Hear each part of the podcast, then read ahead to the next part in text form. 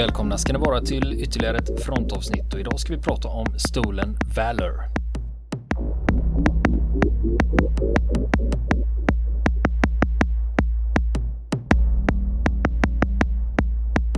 Och nu ska vi fortsätta prata om Stolen Valor.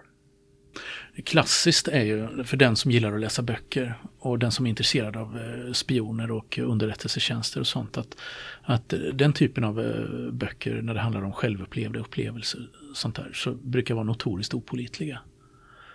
Eh, och en, en orsak till det brukar ofta vara att eh, spionlivet eller arbetet inom en underrättelsetjänst är ofta ett jävligt tråkigt kontorsarbete.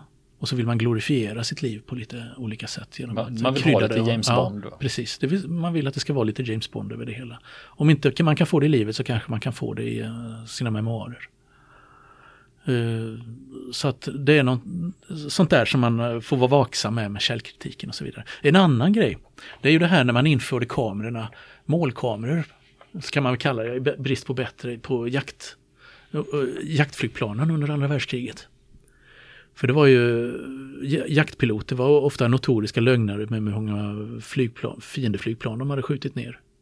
Var det därför man installerade målkameror? Ja, det var ju så svårt att bevisa. Vem hade skjutit ner vilket plan? Och många tog på sig ibland och kryddade med, med extra nedskjutningar och sånt här. Så att eh, då var det en eh, då, då, blev det här ett sätt att kunna bevisa hur, för de överordnade var ju intress främst intresserade av exakt hur stora fiendens förluster varit. Det behöver vi veta. Medan piloterna kanske allt ville krydda med några extra nedskjutningar för att eh, ja, vara största eh, tuppen på skithögen. Lite så. Så att, eh, så att det fanns ju en klar intressekrock kan man säga i det fallet. Eh, nu, nu klassar vi ju inte alla jaktpiloter som lögnare och lögnhalsar. Det kanske vi ska lägga in en brasklapp här naturligtvis. Men det var ett problem som eh, löstes med att den här typen av kameror, gun cameras då, man mm. satte i planen. Och sen finns det ju också en, mm. eh, alltså en forskningsaspekt av det. Att mm. kunna se på händelser i efterhand och ja. kanske jämföra med fiendens, eh, med vilken mm. prestanda har deras plan och hur beter de sig i olika manövrar. Ja. Och var är, sårbar, var är de sårbara ja. och så vidare. Ja. Just det. Kommer du ihåg att jag sa att vi skulle prata om eh, gamla amerikanska exempel? Ja, just det. Sa jag alldeles i början när vi började prata om det här. Vi ska till amerikanska inbördeskriget. Och där, var, där ljög de. ja, det förekom, gjorde det. Det var nämligen så här att amerikanska inbördeskriget som utkämpades på 1860-talet eh, är någonting som har nästan mytisk nivå i amerikanska historiekretsar och så vidare. Att det är, det är många som är jag tror att det finns lika många, i USA finns det lika många böcker om amerikanska inbördeskrig som det finns om andra världskriget och då snackar vi jävligt många böcker.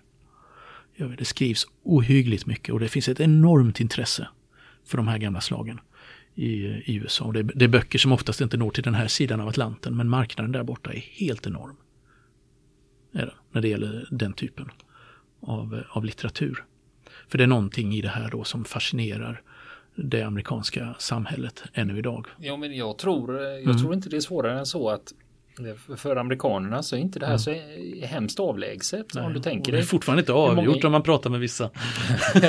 The South will rise again. Ja, Nej, för om du tänker det, mm. det är ju mm. inte många generationer bak Nej. egentligen. Nej. Där du kan säga att jo men min farfars farfars far han var med mm. vid Gettysburg eller Jajamän. någonting. Så det finns ofta någon Precis. form av koppling. Plus att den hade, det här kriget hade väldigt stor effekt på det amerikanska samhället mm. och politiken. Exakt.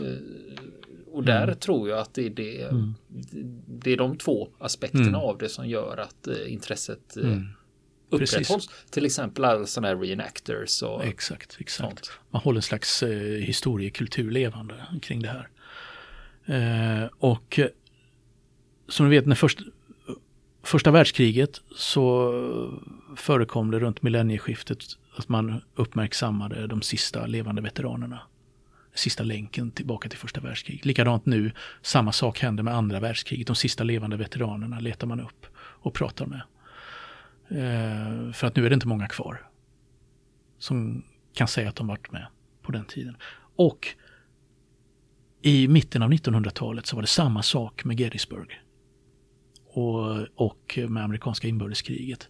Och tänker man 50, 60 år, 70 år efter, efter amerikanska inbördeskriget.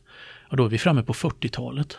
1940-talet. Så det fanns fortfarande människor som hade varit med vid exempelvis Gettysburg eller Bull Run. Som var i livet vid Pearl Harbor. Och då var de ju 90-årsåldern. Men det fanns fortfarande människor som, och det är en lite hisnande tanke när man ändå, man tänker vilket, liksom, att, att det enorma avstånd i sam, alltså samhällsutvecklingen från 1860-talets USA fram till, fram till början av andra världskriget. Jag har, ett, jag har en sån tankelek mm. som jag brukar köra med folk ibland för att liksom mm. få, förstå, för att få ett perspektiv för tid. Mm. Och det är att eh, om du tar din egen ålder mm och drar av den mot ditt födelsedatum. Mm. Hur långt bak i historien kommer du då? Och då mm. plötsligt, oj, det är ju ganska det är ganska långt bak. Ja. Det är ju ganska mm. långt bak. Och, så, och då säger han, gör det på din farsa eller mamma då. Ja, just Och då plötsligt, men herregud vad långt, men herregud, det, är helt, det blir, det blir så galet va? Visst. Eh, Precis. När, när, för plötsligt så är det så väldigt långt tillbaka i historien ja. och då visar det sig att men, det är inte så jävla långt. Så långt är det inte. Nej, precis. Precis. Sant. Och eh, i alla fall så efter andra världskriget så var det inte många kvar. Då hittade man i början av, i slutet av 50-talet Walter Williams. En man som var, eh, som var född 1842. 1842 i Mississippi. Han var långt över 100 år gammal. Han dog 1959 i Houston, Texas och då påstods han vara 117 år gammal. Och och han eh, sades ha tjänstgjort under eh, rebellgeneralen John Bell Hood som var en av de stora generalerna då på den sydsidan. Då, och eh, han hade varit i ett gerillaförband i, eh, borta i Mississippi, ett väldigt känt sånt quadrills force, där han hade varit furagemästare. Det vill säga han hade haft hand om hästarnas bete. typ. det, eh, hästfodret, det är en furagemästare som, eh, som sköter den biten. Eh, och han blev en celebritet på 50-talet. I slutet av 50-talet som den sista levande veteranen från amerikanska inbördeskriget från södern. Och intervjuades i tv och eh, tidningsjournalisterna stod på kö för att intervjua honom. Eh, och så vidare och massor av människor ville träffa honom. Men några månader före hans död så var det en journalist som, eh, som hette Lowell Bridwell då som tänkte att det är något som inte stämmer här och han började undersöka hans historia och konstaterade att det fanns inte ett enda dokument som stödde hans historia om vem, vem han hade varit. Visst, det kunde, kunde vara så att mycket av arkiven hade försvunnit, hade gått upp i rök. Eh, när, när eh, Södern då förlorade kriget, inbördeskriget. Men han hittade folkräkningsdokument. Alltså med jämna mellanrum så gjorde man folkräkningar och det gör man fortfarande idag i USA. Man har inte samma typ av folkbokföring som vi har. Och då visade det sig att han var född 1854 så att han var inte mer än 5-6 års åldern under, under amerikanska inbördeskriget. Så att han hade, han hade lagt på 10 år. Mm. Men ändå. Ja. Alltså... Och gjort sig, och förmodligen då en lögn då som hade, han hade hade ja, en livslögn helt enkelt. Han hade sig på det för han var ju ute ja. och föreläste om ja, det. Ja, precis. Han, han blev, en, han blev en celebritet och fick uppmärksamhet. Kändisen. Kring det här då. Eh, och ett halvår före han dog så var det en annan amerikan då, John Salling, som också påstods vara den äldste sydstatsveteranen från amerikanska inbördeskriget. Och han sades ha då varit soldat i ett infanteriregemente från Virginia och varit med i flera av de stora drabbningarna då. Eh, och när, vid sin död då, han dog också 1959, fast före eh, Walter Williams då, så, så ansågs han vara näst äldste. Eh, han hamnade i Guinness rekordbok som den äldste soldaten genom tiderna. Han troddes vara 113 år gammal. Och det här stod i Guinness rekordbok ända till år 2006. Då Guinness drog, redaktionen drog tillbaka det här. För att det inte gick att verifiera Men, eh, men det var också så att det fanns ingenting som, eh, som eh, stödde hans historia heller. För han dök inte upp i de militära arkiven, inte i registren över soldater som hade tjänstgjort i sydstatsarmén. Och när det gäller de här infanteriregementena från Virginia är de väldigt väl dokumenterade. Där, fin där finns de flesta det finns rullor. Eh, rullorna bevarade. Och det var likadant, alltså när man började titta på folkräkning så visade det sig att han var född 1856. Alltså han var fem år gammal när inbördeskriget utbröt. Och då är det kanske lite svårt att anmäla sig som frivillig i ett eh, infanteriregemente. Och eh, ja, när man är en tredjedel så lång som musköten. Så att så var det med hans historia och då visade sig, men vem var den sista äkta sydstatsveteranen i den amerikanska, från amerikanska inbördeskriget? Jo, han dog 1951. Gjorde han.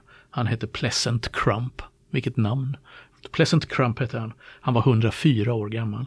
Mm, för, han, för ofta gör jag, när det gäller mm. sådana grejer, jag gör ett snabbt överslag. Ja, men hur mm. gammal borde han ha varit då? Ja, exakt. Ja. exakt.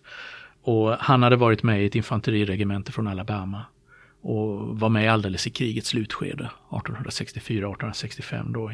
Han var med i ett slag vid, vid Hatchers Run och vid eh, en belägring av Petersburg, en stad utanför, som ingick i försvarslinjen utanför sydstaternas huvudstad Virginia, eller Richmond i Virginia. Mm. Eh, och han hade också bevittnat general Lees kapitulation i Appomattox. Så 51 så dog den sista. Och han stupade i Koreakriget. Han stupade i Koreakriget, ja precis. 38 breddgraden. 104. ja, precis. Jajamän. Så, så var det med det. Så Stolen Valor. Och då, det här är ju ett ut... Nu har vi pratat mycket om, vi har pratat om USA, vi har pratat om Tyskland och vi har pratat lite om Storbritannien.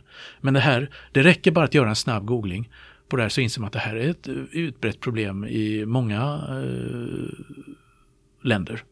För till exempel när det gäller Stolen Valor så finns det bara en hastig sökning på Facebook visar att det finns sidor på spanska, holländska, franska och en rad andra språk som handlar om Stolen Valor.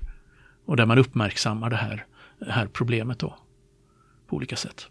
Mm. Men det vanligaste, jag, jag skulle mm. ta ett svenskt exempel, men mm. det vanligaste jag själv har sprungit på det är ju när folk ljuger om sin värnplikt. Ja, eh, jag vet det var en kille som påstod sig han har varit kulspruteskytt på helikopter då mm. i lumpen. Men när han mm. bemöttes med påståendet då att ja, men de svenska helikoptrarna har ju ingen bestyckning. Nej. Nej, då precis. var det, vill jag inte prata mer om det. Nej, men han, han hade ju varit någon malaj då. Ja, och det är väl ofta det att man ska tillskriva sig själv. Och sen är det också ja. det, även om man pratar om Eh, om folk har varit, eh, gjort värnplikt som i något jäg svenskt jägarförband eller det. inte. Det är också en sån här sak som ja. folk gärna vill dra till med. Precis. För att eh, få folks eh, respekt. Och, och, och så har de varit malaj eller skytteslusk eller någonting eller inte varit med alls. Ja, ja jo, det... Att, och, det, och jag kan tänka mig, idag är det väl när det gäller Stolen Valor i, bland svenskar idag så kan man, alltså jag vet inte jag har inte sett några sådana fall när det gäller eh, det finns inga sådana fall som har blivit kända med veteraner från svenska veteraner från FN-tjänstgöringar ute i, ute i världen. Vad jag vet, men jag skulle tippa på att statistiskt sett så finns det nog en och annan mm. som eh, går, skryter med, eh, veter, har veteranmärken och, och, och historier som inte är deras egna. Ja, jag har ju sprungit på en sån person faktiskt. Mm. Eller eh, jag, jag, har träffat den här personen. Då, ljög, då pratade han inte om de här grejerna utan mm. det var en sån sak han hade berättat i förtroende mm. för, sitt flick, för sin flickvän. Mm. Uh, fick jag reda på på omvägar och då var det att han hade Hans flickvän hade sagt ja han har det lite jobbigt nu efter Han var ju legosoldat i Bosnien och mm. han har ju svåra traumatiska upplevelser efter det. Mm. Och det visade sig, och det var ju inte sant va. Men han var en sån person mm. som spann på allting. Ja, oavsett vad man sa. Det är samma sak mm. jag. Skulle han vara lite märkvärdigare? Nej men oavsett vad man sa ja. så hade han mm. alltid en historia som var ja, värre va. Just det, han skulle och, vara märkvärdigare jag. Jag berättade att jag hade Mm. blivit tillsagd av eh, fransk polis när jag var i Paris. Jag, då, då, hade de lite åsikter Och eh, då berättade jag det att det kom fram två mm. poliser och pratade med mig och liksom ville veta vad fan gör du här och, mm. och, och sådana saker. Och då skulle han direkt, ja ah, du vet när jag var där då var det ju den här kravallpolisen CRS, de tryckte upp mig mot muren och liksom skulle mm. muddra mig. Och du vet, det är hela tiden oavsett vad man säger så skulle han vara snäppet värre va. Mm. Och, och då blir det ju lätt att man hamnar i sådana situationer att oavsett mm. vad folk berättar så liksom springer det här iväg. Va? Mm. Ja, precis. När jag skriver böcker så, när jag började skriva böcker och intervjuade veteraner eh, på 90-talet. Eh, som hade varit med om andra världskriget så var det också en del historier som man fick eh, skrota därför att av ren försiktighet. Därför att man kände det här, det här är saker som inte riktigt stämmer. Det var, man kände att den här personen minns lite för väl saker och ibland så ändrade de sin historia eller, eller kom med direkta felaktigheter. Att ja, men du kan inte ha varit på de här två platserna samtidigt. Eller, eh, eller om du var där så kan du inte ha tjänstgjort där för det fanns inget förband som var där och sen var där. Sådana saker råkade jag ut för vid några tillfällen och bland annat så, eh, jag ska inte säga namnet, eh, men jag hade, hade kontakt med en, en av de svenska eh, veteranerna från Waffen-SS. Som, som jag också pratade lite med och intervjuade om vad han hade varit med om. Men där det började ringa varningsklockor att, eh, att eh, det här eh, kan vara ja, illa underbyggt. Det här kan vara historier som antingen inte är sanna eller som är väldigt påhittade. Eller som är förbättrade starkt. Och en, en av de som figurerar i det som har, har, har, har förekommit i, i medierna. Mm, ja, jag tror jag vet vad du menar. Ja. Jag, jag tror att, jag tror att flera av våra lyssnare vet vem jag pratar om. Ja, det var väl en person som hade suttit på mentalsjukhus vid vissa tidpunkter där han egentligen mm, skulle varit i. Ja, nej, det finns i alla fall papper som visar i Sverige då i arkiven som visar att han har varit i Sverige vid tidpunkter då han har sagt att han har varit på östfronten. Mm. Jo, jo. Mm. sånt händer ju. Men ja. du, vi pratade ju lite om svenska exempel och eh, det, är, det finns ju en tidskrift som heter Filter.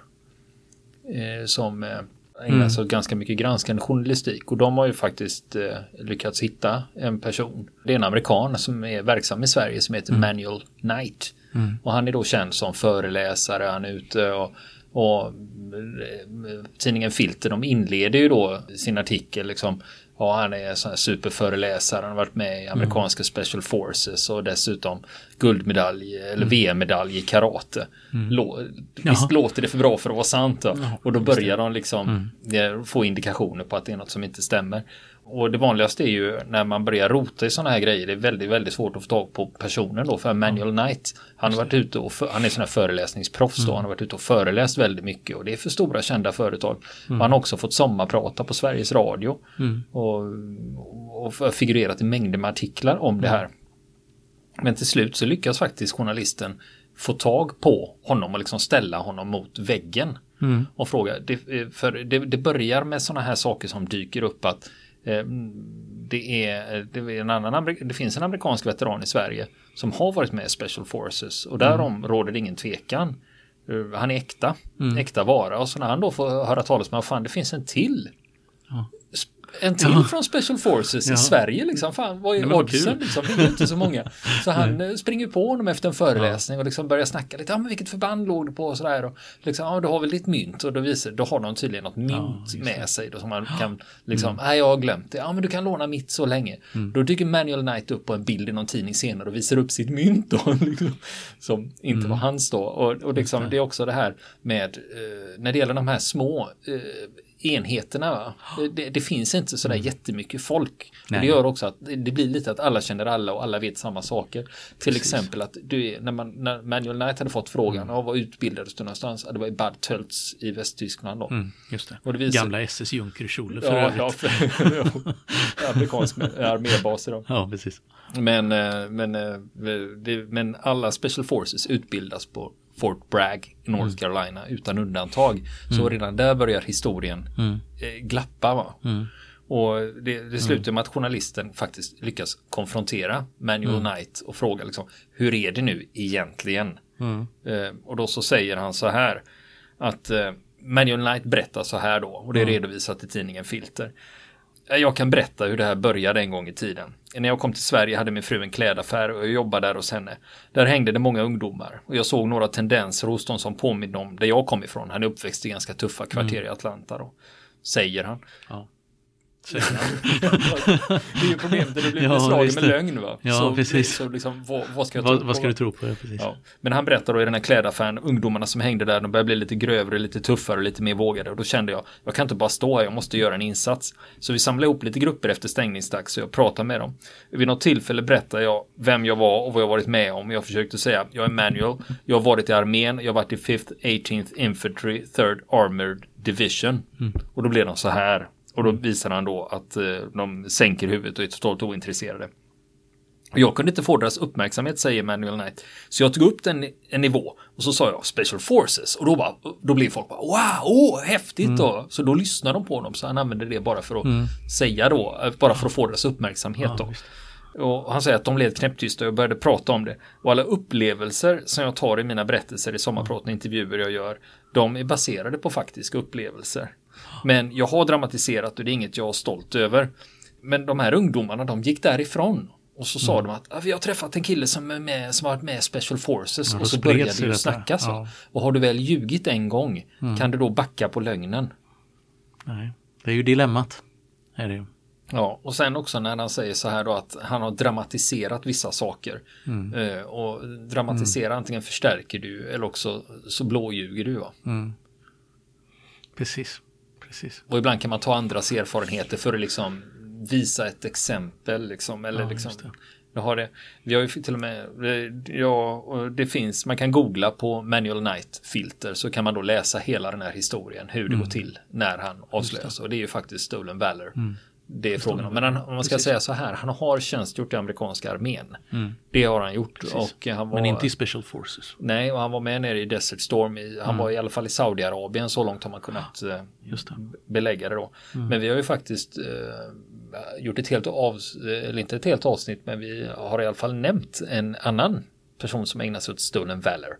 Och det är Sven Hassel. Ja, författare. Exakt, exakt. Eh, som då ja. påstod sig ha varit med om massa saker och skrivit böcker om det och påstått. Ja, visst, att det var egenupplevt, självupplevt och ja, så. När han i själva verket var nazi-kollaboratör i Danmark. Just det, precis. Precis. Och det, det fanns det ju faktiskt papper på. Han är ju dömd för det. Va? Han är dömd för det, ja. precis. Men som du sa då, eh, det är att ja. en person kan vara hur genombrutten som helst. Men eh, ja. man får ändå ställa det åt sidan om man ska titta på det litterära värdet. Ja, det, för, det, förtar, det förtar inte böckerna på något sätt för att de är ju bra. och man, man, även om man kanske inte skulle citera dem i någon eh, seriös ja. eh, historiebok liksom, som Sven Hassels upplevelse från östfronten. Utan, men som litteratur är det ju, utan det är ju två saker. Ja, man kan hålla isär det. Mm. Och sen, men sen har vi också en annan aspekt av det här och mm. det är nämligen så här att det finns en del personer som har en otrolig fetisch för uniformer. Ja, att, att det liksom, mm. för en del så är det ju inte det att de ska utge sig för att vara någonting de inte är utan de bara gillar uniformen. Ja. Och de vill gå runt i en uniform som ja. de inte har rätt att bära egentligen. Då. Så det är ju en glidande skala är det ju. Liksom när, mm. du, när, när, när uh, gör du dig skyldig till Stolen Valor? När, då, jag kan tänka mig att även i östblocket finns den här.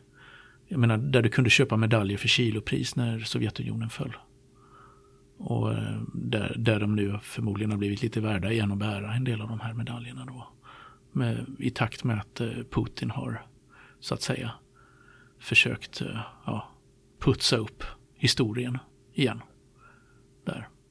Men det vet jag ingenting om, där språkbarriären sätter stopp. Jag, min ryska är inte så bra att jag kan följa de debatterna på ryska forum om det. Mm.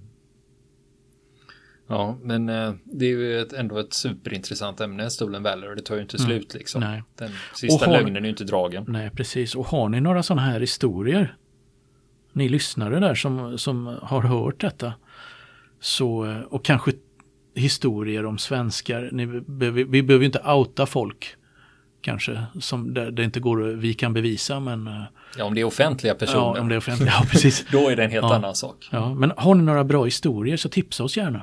Ja, ni hittar vår, hittar vår sida på Facebook så att ni kan... Ja, vi tar gärna emot dem och vi kommer garanterat att läsa upp dem för de är ofta väldigt underhållande. Ja, och framförallt är det ju när folk konfronteras med mm ja. med lögner mm. från någon som vet vad de pratar om. Det är ja. ofta då det blir komik mm. utav det när de försöker ja. snärja sig. Mm. Eller de, ofta blir det att de bara snärjer in sig med lögner. Det blir bara dummare Precis. och dummare. Va? Istället för att bara säga nej, du har rätt, jag ljög.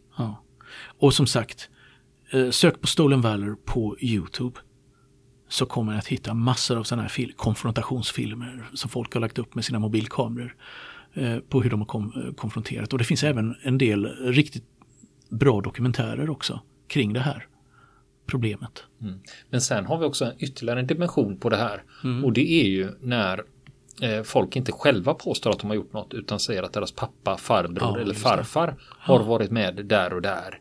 Och eh, de här historierna kan ju ibland ha blivit lite vandringssägen i släkten så ja. den förbättras Precis. från gång till gång och till slut så har man varit med i Anzio och Normandie och Monte Cassino Samtidigt. och var först in i Hitlers bunker.